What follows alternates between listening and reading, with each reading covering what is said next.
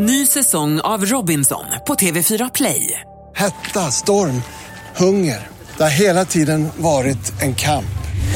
Nu är det blod och tårar. Fan händer just nu. Det. är Detta är inte okej. Robinson 2024, nu fucking kör vi!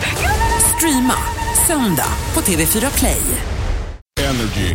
Hit music only. Hi and welcome to Sweden. Thank you very much. It's so, it's wonderful to be here. It's my, my first time. We're very Sweden's very far north, isn't it? We're quite we're pretty we're pretty sort of high up the globe. Um, And we talked about cold. Do you think it's cold here? not right now. I think it's, it's e- everywhere in in in Europe really. In where well f- w- in, in at home in the UK and here, and we were in Germany yesterday. It's getting a bit colder suddenly. Kind of sucks. Could you present yourself and uh, maybe tell us something that we don't know about you? My name is James Bay, um, and I'm still trying to work out if I'm afraid of heights. This is this is the thing that, that you know you don't know because you know sometimes it's, it's cool to sort of look out the window in a plane and look at look at the world and it's, fa- it's fascinating. But other times, uh, you know, standing at the top of a tall building just freaks me out and I've got to like run down to the bottom again. So. So what are you gonna do about it? You gonna get on a bungee jump or That, that's the one I couldn't do that. I, cou- I couldn't take it that far. maybe that will help. You know, like you do it once and then you're over with. I was thinking maybe helicopter, maybe getting a helicopter, and, and because that's like you're kind of like it's not very big and it's all glass. So. I mean, but since you travel a lot, how's that on an airplane? exactly, yeah. I, you know, I, I kind of get more used to it on an airplane. I, I, I can I can look out the window and sort of handle it, but you know, other things like big buildings and stuff in like crazy places like New York and that, it just it gets a bit sort of frightening. I don't know. I'm still trying to work it out. You know, I'm I'm scared of some heights. Some of them I think are great. You're sold out here at Debaser in Sweden for the first time. Is that crazy to you? Like, oh my god, I'm in a sold out venue. Um, particularly because, yeah, particularly because I've never been here before, and I didn't really know how my music was doing over here, and it seems like it's doing pretty great. And um, yeah, that's that's that's the very cool and sort of surprising, you know, wonderful thing. And it's, it's nice, you know. We've just fun- finished a UK tour. We were in the UK and Ireland for three weeks, and they were big venues, you know, because I've been obviously coming from there. I've played there a lot over the past few years, and you know, been able to sort of move up through different sizes of venues. Um, but I, I often miss smaller spots like this place, and uh, you know, where it's just a real kind of rock and roll, sort of grimy, wonderful venue. Um, so I don't know. It's great that it's sold out, but it's just it's really cool that you know it's a new place and it's a cool venue. That's all that matters.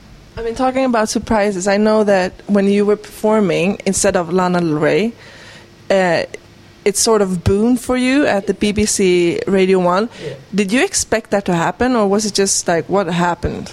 Um, that's only something you can hope for and kind of dream of, you know.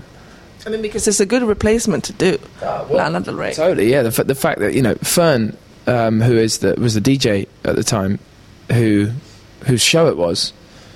The the coolest thing, she she'd played my song on the radio maybe once, and uh, once or twice, and got a good reaction, and she really liked it. And just kind of really because of that, once Lana Del Rey called in sick and said I can't make it, she just went, "Oh, can we get can we get James? Do you think he's available?" And they, I'm especially at that time, I was certainly going to be available for something like that. Um, so, yeah, you know, and it really did start to kick off after that. I think when you actually, you know, go to the effort, obviously, of sort of playing live in a radio station wherever you are, you get even stronger reaction. So if you have the time and if you can get there, it's always beneficial. It's always a good thing. And uh, yeah, you know, online and, and like t- ticket sales and everything started to really move. It was a, it was a great moment. It was a turning point. It was a good day. Of your songs, then, what's your like most personal song? Do you have any song that feels um, the most personal to you? There's a few, you know, there's a few that really are sort of close to my heart, I suppose. Um, Scars is one of those.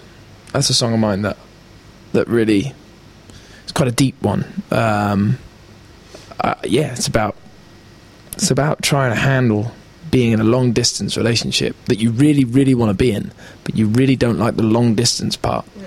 Um, you know, and uh, it took me uh, it took me the kind of the two years that I was going through that long distance relationship. It took me that all that time to sort of write the song and work out how I felt and what I was trying to say.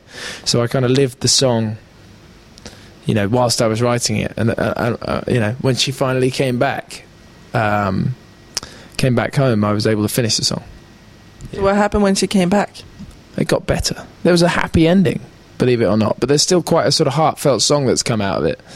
Um, where you know, really, I'm sort of I'm saying I'm realizing that it was it was kind of a mistake and we shouldn't do it again. Yeah.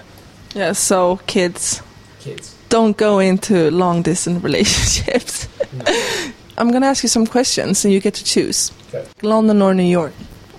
Probably New York.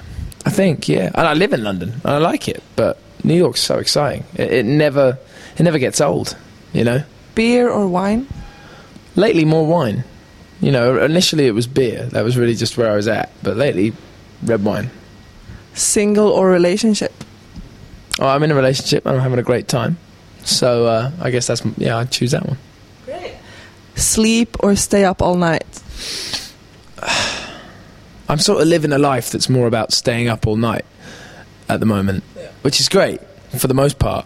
But after a few nights, sleep, you know, when you get when you get back to sleep, it's the greatest thing.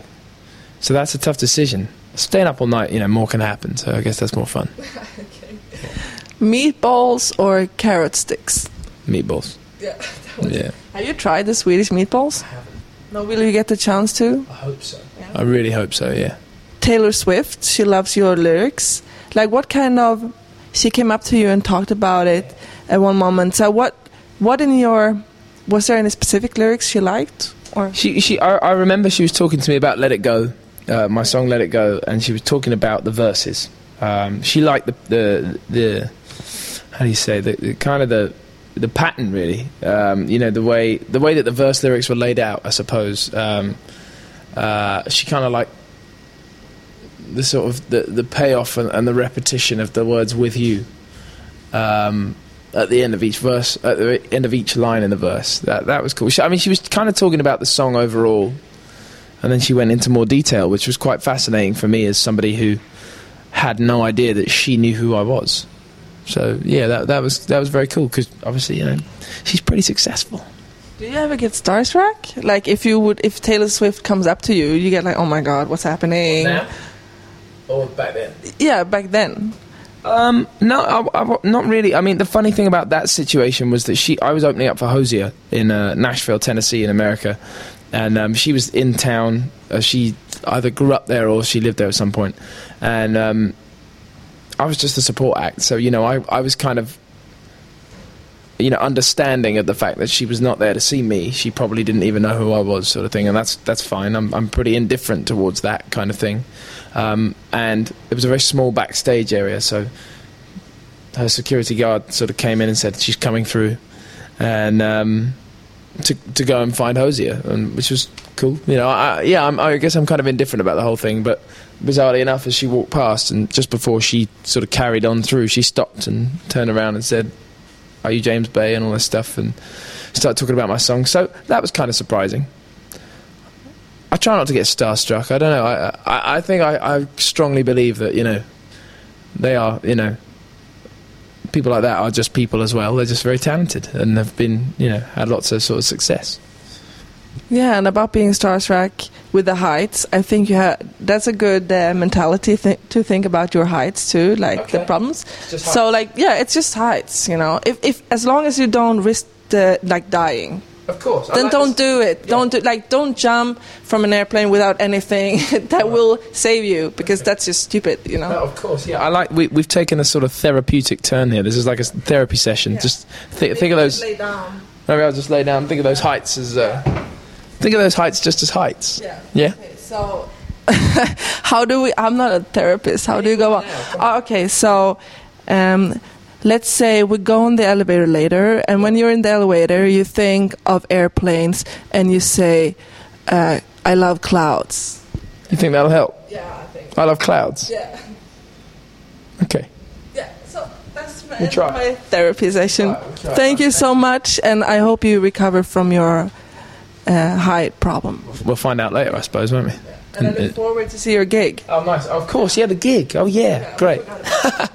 Thank you. Thank you so much.